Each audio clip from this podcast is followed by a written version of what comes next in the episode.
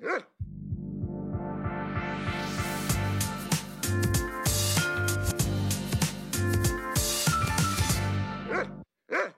er det endelig tid for Hundorama igjen, og denne gangen så skal det handle om aktivisering. Er du som meg og blir lei av å gå tur noen ganger? Straks skal hundetrener Jonas lære oss noen geniale alternativer. En fin måte å få aktivitet ut fra en hund på, er å, å få dem til å bruke nesen. Der var snusmumrikken i gang. Da Helge fikk seg hund, så gikk han grundig til verks og leste all forskning han kom over. Og den andre tingen som overrasket meg, det var jo uh, hvor mye forskning det er som understøtter det som jeg tror veldig mange hundeeiere har følt på, da. At hunden deres forstår dem. Han har lært hunden sin navnet på 80 ulike gjenstander og skrevet bok om hunden Whisky. Og skal hunder få hilse? I utgangspunktet ikke. Det er det delte meninger om blant hundeeierne i panelet. Jeg eh, synes at det er veldig positivt at eh, hunder får sosialisere seg. Velkommen til enda en episode av Hundorama, podkasten av hundeeiere for hundeeiere. Og som alltid så er det Silje og Elise som står bak mikrofonene. Vi elsker å snakke om hund, og har laget denne podkasten fordi vi har lyst til å lære oss noe nytt sammen med deg som hører på. Jeg og du, Elise, vi er ganske forskjellige hundeeiere, og vi har veldig ulike hunder. Driver med helt forskjellige ting. Jeg typen som går mest tur, mens du driver jo med hundesport. Ja, vi, altså jeg og Henry er jo veldig glad i spor- og søkstrening. Bare hør på dette. Kom da? På plass. Søk.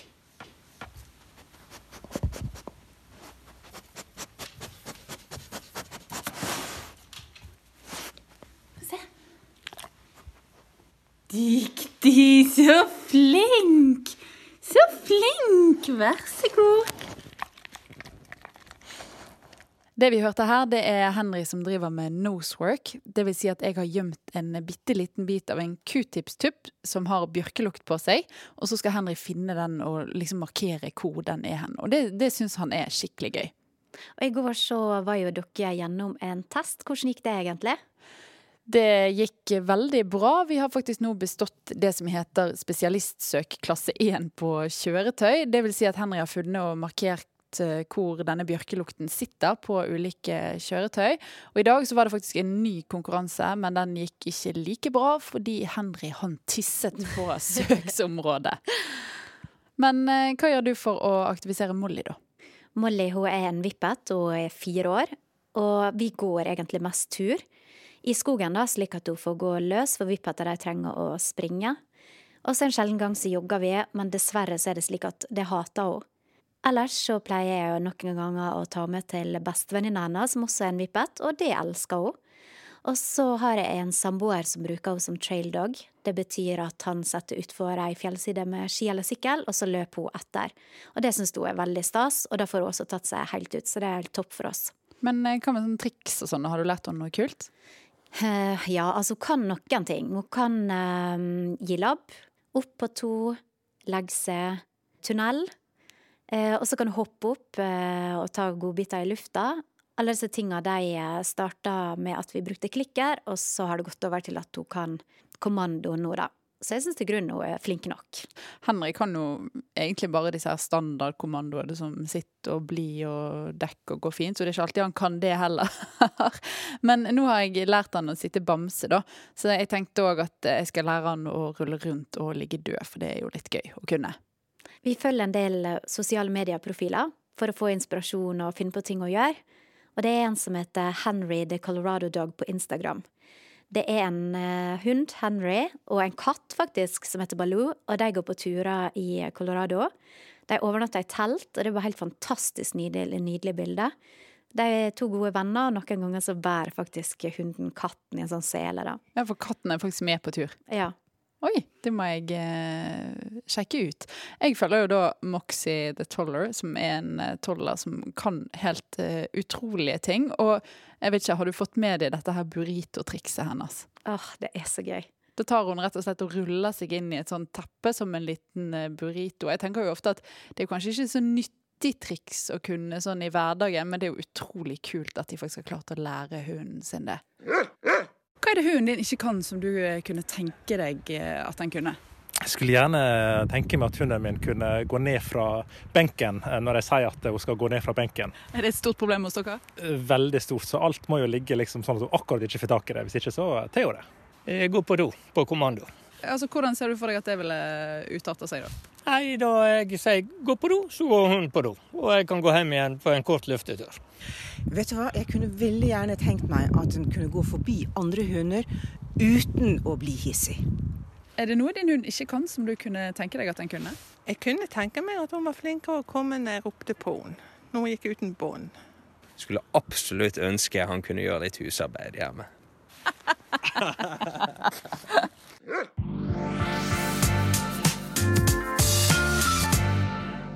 Det er jo mange som syns det er vanskelig å finne på nye ting å gjøre med hunden sin. Og hva er vel bedre da enn å spørre en som er ekspert? Jeg har vært og snakka med Jonas Riise Johansen fra Fjellanger hundeskole om forskjellige måter å aktivisere hunden på. Er du Klar? Har du lyst til å gå og finne? Yes. Klar. Ferdig. Søk. Jeg heter Jonas. Jeg jobber eh, daglig her oppe på Fjellanger hundesenter. Jeg har uh, drevet på med hund og trening av dyr siden ja, 2010. Hvem er det vi har her? Her har vi med oss Ludvig. Han er fem-seks år.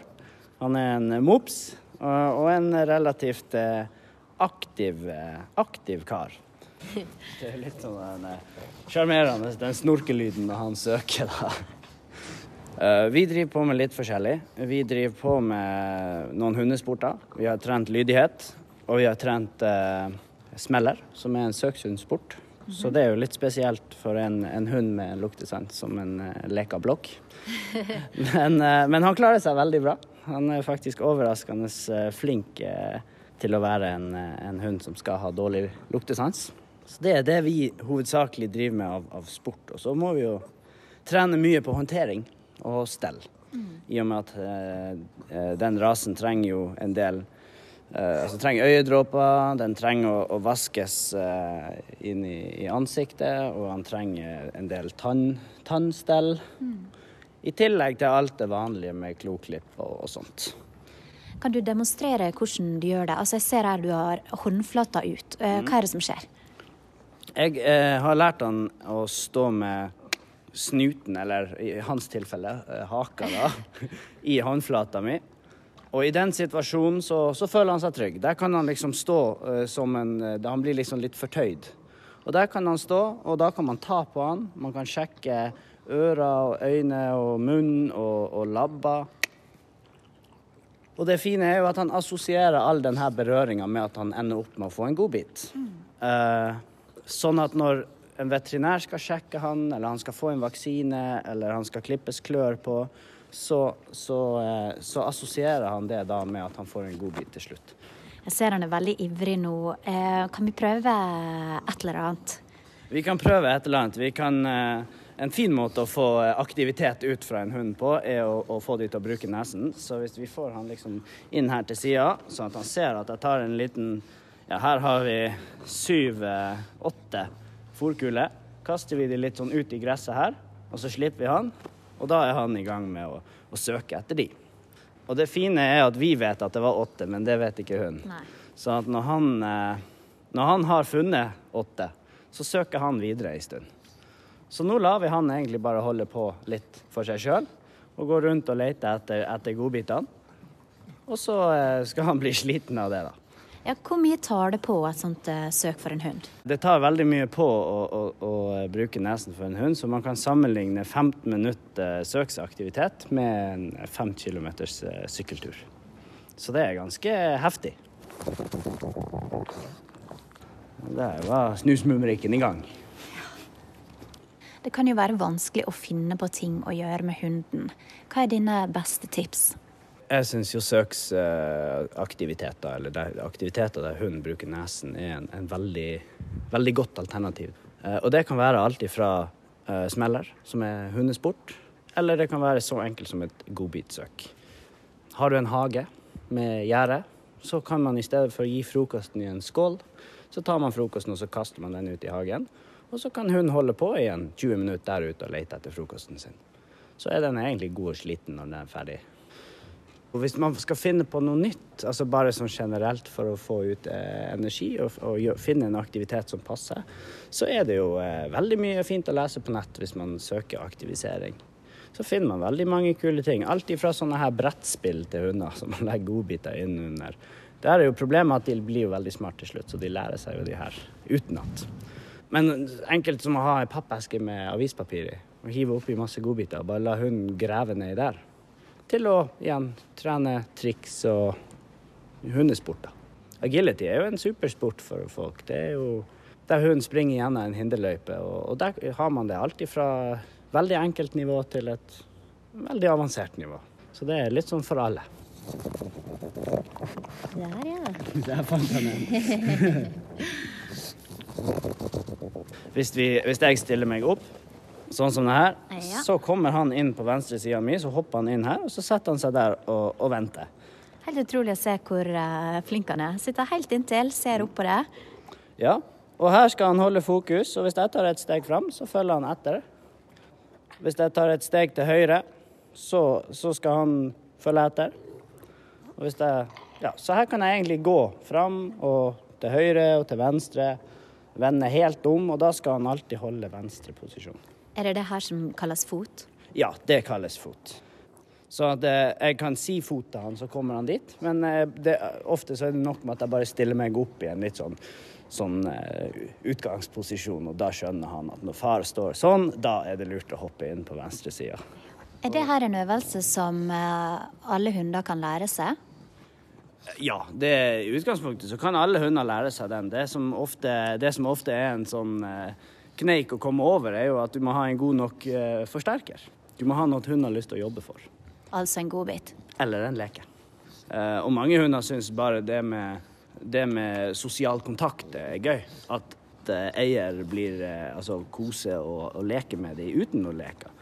Men, men de fleste hunder responderer veldig bra hvis du har en, en draleke eller en ball eller noen godbiter som, som de jobber for.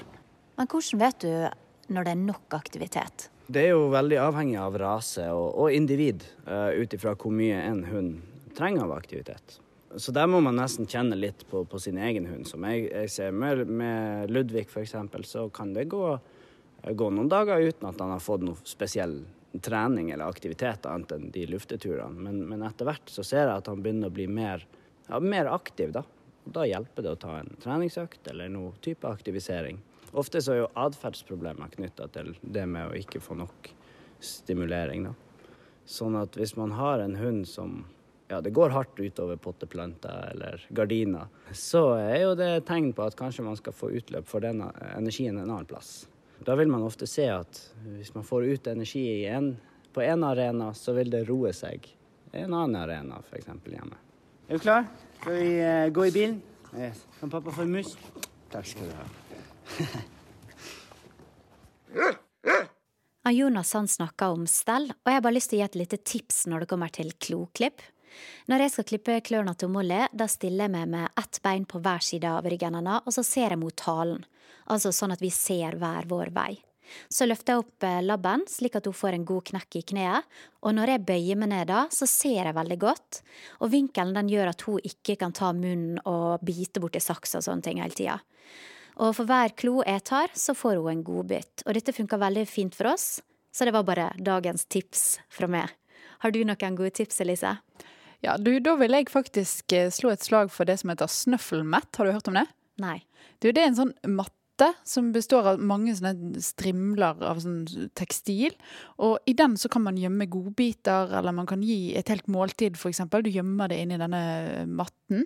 Og det er en helt super måte å få hundene til å bruke nese og hode på. De bruker, altså Hvis du har hunder som f.eks. sluker maten, så bruker de jo mye mer tid på dette, her, for de faktisk må leite etter hver, enkel, eh, hver enkelt matbit. Så det har vært eh, en eh, liten suksess hjemme hos oss, i hvert fall.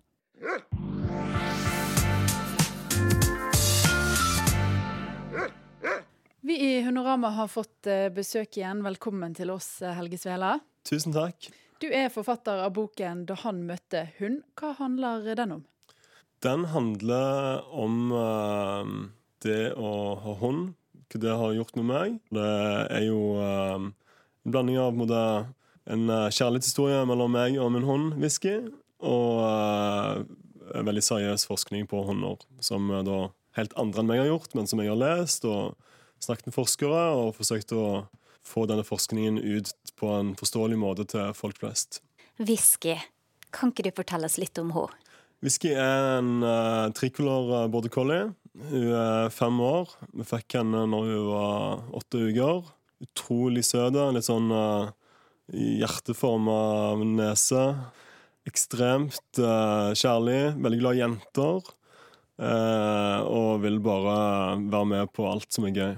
Og whisky er jo ganske smart. Du har jo rett og slett lært henne navnet på over 80 ulike gjenstander. Og hvordan har du klart det? Det begynte med når whisky var et par dager etter at vi hadde fått henne. Så hadde jeg sett uh, noen YouTube-videoer og lest om noen andre border collier som kunne navnet på leker. Og så hadde jeg en uh, liten tøymus fra Ikea, og så en uh, tøyball. Og så satt jeg på gulvet med whisky, og så heiv jeg uh, musa bort på gulvet og sa jeg, 'hent musen', hent musen. Og så så litt på meg, og så var det sånn Hva skjer? Og så prøvde jeg liksom å peke og vise litt med hånden, og så, så jeg løpte bort til musen og tok den i munnen med sånn Er det denne her type uttrykk? Og jeg sånn, ja, ja, kjempebra, kjempebra. Og så, så var vi i gang. Så holdt vi bare på å øke antallet leger til ja, til det nå nærmer seg 80-90. Men er det slik at hun gjenkjenner ordet, eller er det slik at, du kan, at hun vet forskjell på gul og blå, f.eks.? Ja, altså hun gjenkjenner, altså, hun gjenkjenner navnene, i hvert fall. Det gjør hun. Og så har vi jo liksom blå tau og grønne tau og rød frisbee, gule frisbee. og så hender det jo at du tar feil. For eksempel, både røde og gule frisbee ble veldig sånn skitne på et tidspunkt. De så nesten like ut. så det var da forsto jeg at du måtte kunne blande de to. da. Men uh, når gjenstandene er liksom ulike i størrelse, og at det er farger som hunder kan se, faktisk, for de ser jo litt andre farger enn oss, kan jo liksom på en måte egennavnet på gjenstanden. Men så har jo uh, blitt gjort noen tester med henne, da. Og det, det som hun forskeren uh, mener, er at det virker som whisky òg har skjønner liksom kategorier. Altså skjønner liksom hva er baller, hva er frisbeer, hva er tau. Men dette er jo virkelig en fin måte å aktivisere hunden sin på. Har du noen tips til hvordan vi andre kan lære vår hund dette her? Ja, jeg tror det er bare til å begynne med, med en eller to gjenstander. Det er en, en, en forsker i, i, USA som uh, har trent det, det samme da, med, med, sin hund. Chaser, som kan uh, navnet på 1022 gjenstander. Og den måten han, John Piley trente henne på Han hadde masse forskningsassistenter og sånn som hjalp han, for det var liksom som en del av et forskningsprosjekt. At han uh, tok liksom én gjenstand om gangen, sånn at det var umulig for, for hunden å gjøre feil. da. Fordi at det var bare én gjenstand der å velge mellom. Og så, når man hadde lært det navnet, så blandte man inn de andre kjente gjenstandene og, og spurte etter gjenstander ved navn. Det er jo skikkelig fascinerende at det går an. Men jeg tenker jo på min egen hund som er vippet. Jeg tror aldri livet hun ville klart det. Hvor mye har det å si at hun er border collie? Det er jo et veldig interessant spørsmål. Eh, fordi at eh, mange av de hundene som, har, som, som kan ord, er border collier, eller kan navnet på gjenstander. Men så er det òg eh, fins flere andre eksempler. Blant annet leser jeg forskning om en eh, Yorkshire terrier som kunne navnet på nesten 100 leger. Så jeg tror vel uh, jeg, tror det, jeg tror det, har noe å si at hunden er smart, men jeg tror kanskje det har noe å si hvor, hvor tidlig man begynner å, å, trene på det. Vi begynte jo da Whisky var, var, veldig liten. Og Du har jo gjort veldig mye research til uh, denne boken din. og Hva var det som overrasket deg mest? Det som overrasket meg mest, tror jeg, det var liksom hvor mye forskning det faktisk var på hunder. Det begynte jo med at jeg, eh, jeg meldte meg inn i en haug med både collie-grupper på Facebook. og begynte å lese all slags artikler som ble delt der og sånn. Eh, men så er jeg jo journalist og litt sånn kritisk anlagt, så jeg følte jo noen ganger at når jeg leste avisartikler, at, det var, at jeg ble lurt litt om på kildekritikken i det. da. Så jeg hadde lyst til å gå tilbake og lese selve forskningen. Og så var det jo eh, en verden der ute av forskning på honnør som er gjort de siste 20-30 årene. fordi at um, Før var det jo sånn at man, man, ville ikke forske på honnør, man ville forske på liksom, ville dyr, fordi at det var de som var de skikkelige dyrene, eller type orangutanger og sånn, fordi de ligna på oss. Men uh, etter at man begynte, at, etter man innså at, uh, at hunder hadde en hel del evner som uh, kunne forstå mye av vår kommunikasjon. Eh, til med ting som eh, orangutanger ikke kan forstå. F.eks. peking. Det skjønner nesten alle hunder. Orangutang, hvis du peker på noe, så forstår ikke den automatisk at du på signaliserer at det er noe med den gjenstanden jeg vil at du skal gjøre. Så når, når man begynte å se at ok, her er, her er det noe interessant å forske på, så ble det jo ganske populært da, i, i en del miljøer, bl.a. i Ungarn og i USA. Eh, og den ekstreme bredden som er i forskning, det overrasket meg. Og den andre tingen som overrasket meg, det var jo uh, hvor mye forskning det er som understøtter det som jeg tror veldig mange hundeeiere har følt på. da, At hunden deres forstår dem. For det er det faktisk ganske mye forskning som, uh, som tyder på at det, det er ikke bare noe med litt sånn soft-hearted hundeeiere tror, men det er faktisk tilfellet. Kanskje dette her kan være til inspirasjon for eh, noen av våre lyttere. Tusen takk for at du kom til oss i Hunderama, Helge Svela. Da er det tid for eh, Spør veterinæren. Du kan sende inn eh, spørsmålet ditt hvis du har noe du lurer på. Hva som helst som har med hunder å gjøre. Så tar vi det opp med veterinæren, og det gjør du via vår Facebook-konto eller på Instagram. Vi heter Hundorama, som du sikkert har fått med deg. Og den som skal svare på spørsmålene i dag, det er Camilla Meltevik. Velkommen til oss. Takk skal du ha. Du er veterinær hos Sandviken dyreklinikk, og i dag så har vi noen litt eh, undrende spørsmål på blokken. Hvorfor sparker hunder i grusen etter de har gjort fra seg? Det kan være litt av forskjellige årsaker. De prøver ofte fra naturens side å dekke over sine spor, sånn at de skal være vanskeligere å, å finne for, for, andre jaktende dyr. Og det er litt varierende fra hund til hund hvor ivrig de er på denne atferden. Noen er veldig iherdig, mens andre er gjerne mindre ivrig på det. Det har også med markering å gjøre, så de sprer luktene sine. Ehm, sånn at de markerer sitt territorium, da. Er det både hannhunder og eh, hohunder som gjør det? Ja, man kan se det hos både tispe og hannhund. Mm. Men kan man gjøre noe for å stoppe det? Fordi at min hann er en av de veldig ivrige, så jeg må nesten gå i dekning så ikke han sparker noe på meg av eh, avføring og sånn, og det er jo litt ekkelt. Ja. Eh, eller er det sånn at han må få lov å være seg sjøl? Altså, Jeg tenker at de bør få lov å være seg sjøl til en viss grad. Men hvis det er en, på en måte en uønsket atferd, så kan man også prøve å avlede. Så hvis du, Det er veldig mye som kan trenes. Eh, og dette er ikke noe som hun er eh, altså en atferd som hunden må ha. Så du kan også trene det vekk på en positiv måte, og gjerne prøve å avlede med godbiter eller positiv stemme og oppmuntringer. Min hund den begynte med det der når den var sånn tre år gammel. Hva tror du var grunnen til at det kom så seint? Du, det er litt vanskelig å si, for det kan være som sagt, veldig individuelt. Noen eh, gjør det helt fra valpestadiet, mens andre har eh, altså Det kan være at han har hatt en litt eh, sen modningsprosess, eller at det har vært innlært fordi han har sett noen andre gjøre det. Så det er veldig forskjellig og veldig vanskelig å si hvorfor han begynte med det så seint. Og noen begynner aldri med det. Så det, ja, det er veldig forskjellig. Mm. Og så er det noen hunder som rister når de sover. I hvert fall gjør min hund det. Hva er det det kommer av?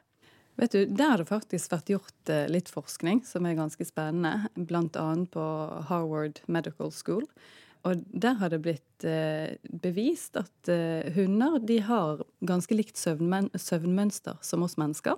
Sånn at man tror i hvert fall at hunder også drømmer. Så um, da er det ingen grunn til å, å på en måte tro at de ikke drømmer om ting de har opplevd i hverdagen, sånn som det vi gjør, i og med at søvnmønsteret er så likt som det er.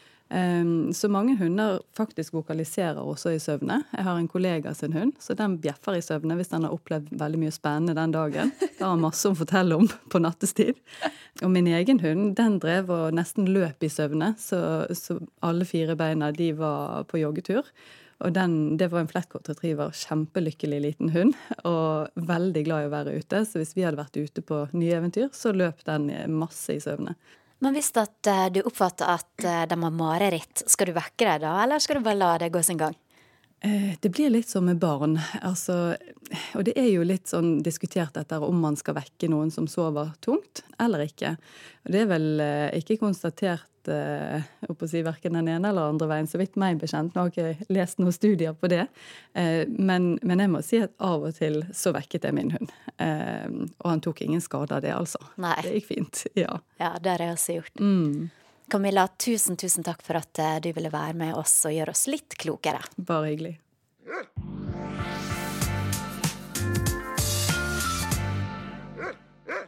Da har vi fått besøk av noen førsteklasses hundeeiere her i studio. Ja, for det er tid for panelet igjen. Velkommen. Nå er vi kjempespente på hvordan dere aktiviserer deres hunder. Julie Borge, du er en skikkelig hundeelsker, har vokst opp med hund, og nå har du en hund som heter Kira. Kan du fortelle kort om hunden din?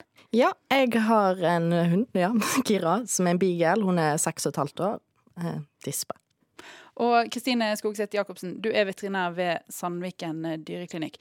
Og du har en eh, Jack Russell. Fortell litt mer om han. Det er da en eh, veldig skjønn, liten, strihåra Jack Russell. Eh, han er tolv år. Ganske sånn artig og vittig type med mye personlighet. Vegard Bakken, du er en person som strekker deg langt over gjennomsnittet for hunden din. Jeg kan ikke komme på én aktivitet som du ikke driver med, men det skal vi høre mer om etterpå. Eh, kan du fortelle om hunden din Ditto?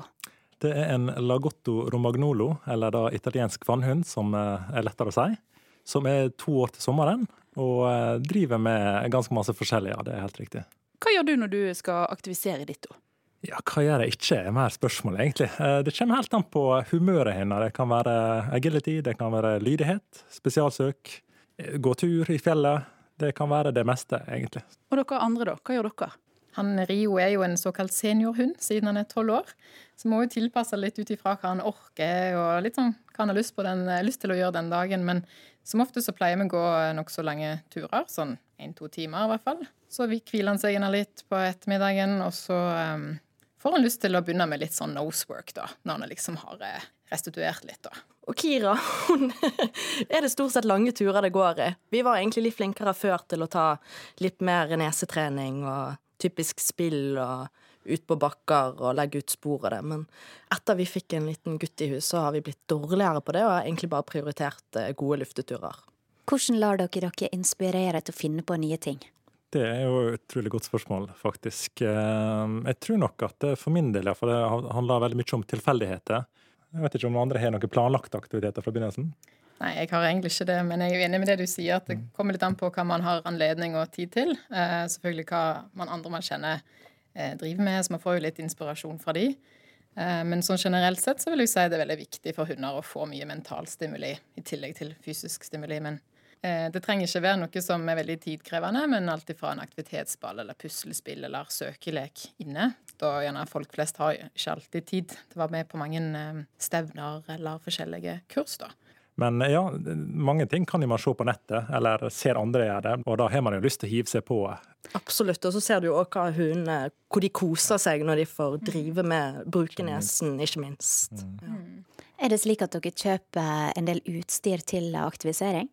Skal man være ærlig, eller skal man Ja, jo, det blir jo det. Det siste investeringa nå var ei ei søksbane i stål fra Selbu. Så det, ja, kjøper masse rart. Så jeg ser ikke om folk har vært borti agility-hinder og diverse. Man kjøper masse for å aktivisere hundene. Ja. Man gjør jo det hvis man er inne i sportene. Jeg har kjøpt eh, opptil flere puslespill til han Rio. Det er en av de Eh, kjekkeste sånn nosework-tingene han kan drive med inne. i hvert fall. Så de bruker han gjerne lang tid på å spise fôret sitt rett og slett ut av. Av og til hvis han syns at det er kanskje litt for lite som skjer og kjeder seg, så setter han gjerne i gang med sånn egen søkelek inni stua. og leter etter godbiter der så han husker de er plassert i tidligere.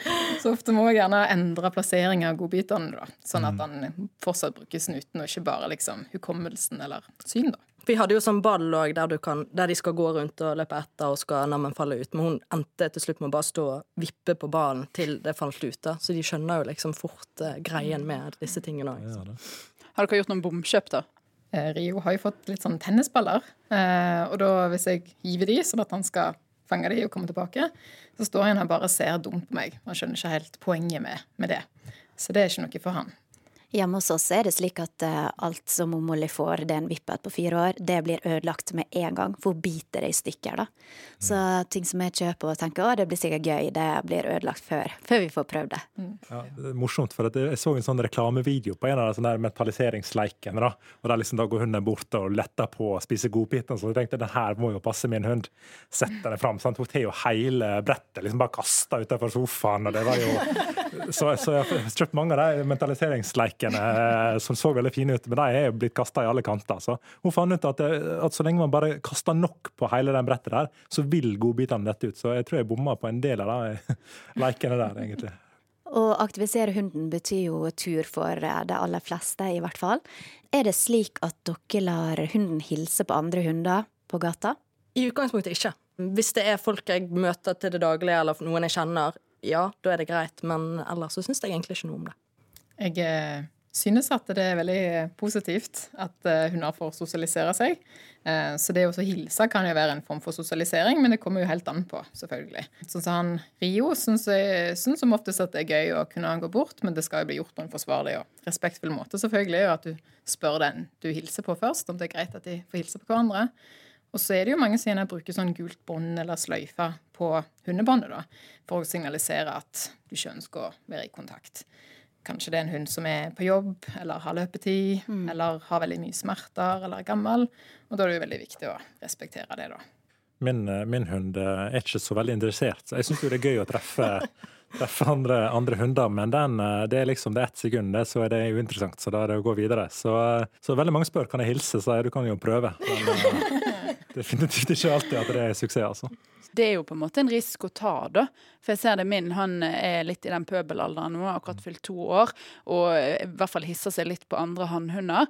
Og så er det gjerne folk som bare går med fleksibånd, og så slipper de bort før jeg egentlig har fått samla han opp og sagt at nei, vi skal ikke hilse. Og da har det jo skjedd at uh, de andre kanskje har knurra, og de har flydd på hverandre. Og så kommer kanskje eieren og sier gud, han pleier ikke å gjøre det der så ofte, eller det, det der skjer ikke egentlig. Og, og så, så, du vet jo aldri. Sant? Så det, det, gjør jo egentlig for min hund at han blir enda mer sint neste gang han mm. møter et, en annen hund. Sant? Så det er jo litt det der òg, sant. Mm. Men det er ganske bra, de der båndene som har begynt, da. Men jeg har ikke sett det i bruk ennå, da. Men vet folk om det? Nei, det er det jeg ikke tror de gjør. Nei, jeg tror ikke det er godt nok eller tilstrekkelig kjent, i hvert fall. Så vi prøver å gjøre det bedre kjent. Eh, mm. Poster gjerne på Facebook-sida til klinikken og sånt. Og jeg ser at det er mange andre klinikker eller sånn forskjellige dyreinteresserte forum da, som, eh, som publiserer det. Men gult betyr ikke hils. Hva med rødt og grønt, da? Nei, det, jeg har jo selvfølgelig dykka dypt inn i det her og bestilt uh, Apropos bomkjøp, så har jeg faktisk bestilt alle de forskjellige fargene her. da. Så jeg husker noen av dem. Gult betyr sånn uh, Internasjonalt betyr det nervøs hund. Sånn hvis du skal være helt spesifikk på det. Rødt betyr ikke hils, og grønt betyr kom og hils, uh, og litt sånn forskjellige Du har jo også jeg tror det er lilla, som, som tror jeg er ikke mat. eller sånn. Så de er begynt å bli veldig spesifikke på, på, farger. Så hvis du googler, så, så, tror jeg du vil finne en hel liste. Altså. Så det men jeg syns egentlig man kan forenkle sånn liksom gult det, eh, ikke hils, uansett hva grunn det er. da. Ja, det blir jo liksom en sånn trafikkskilt. og Rødt da er det no way, og så på en mm. måte gult da er det ja, kan, kanskje, men han er mm. nervøs, og så grønt da er det go. Grønt det blir jo litt sånn kom og hils. Sånn som de mm. der grønne luene som eh, folk går med når de er single. ja, hilse. Tusen takk for at dere kom til oss, eh, rådgiverne. Bare hyggelig. Bare hyggelig. I neste episode så skal det handle om å velge riktig rase. Vi møter en familie som er på jakt etter den perfekte familiehunden. Og vi skal snakke litt om hva som er viktig at de tenker på. Og i mellomtida så kan du sjekke oss ut på Instagram og Facebook. Og send gjerne inn et spørsmål til Spør veterinæren-spalta. Tusen takk for at du hørte på Hundorama. Denne podkasten er en del av en masteroppgave ved Høgskolen i Volda.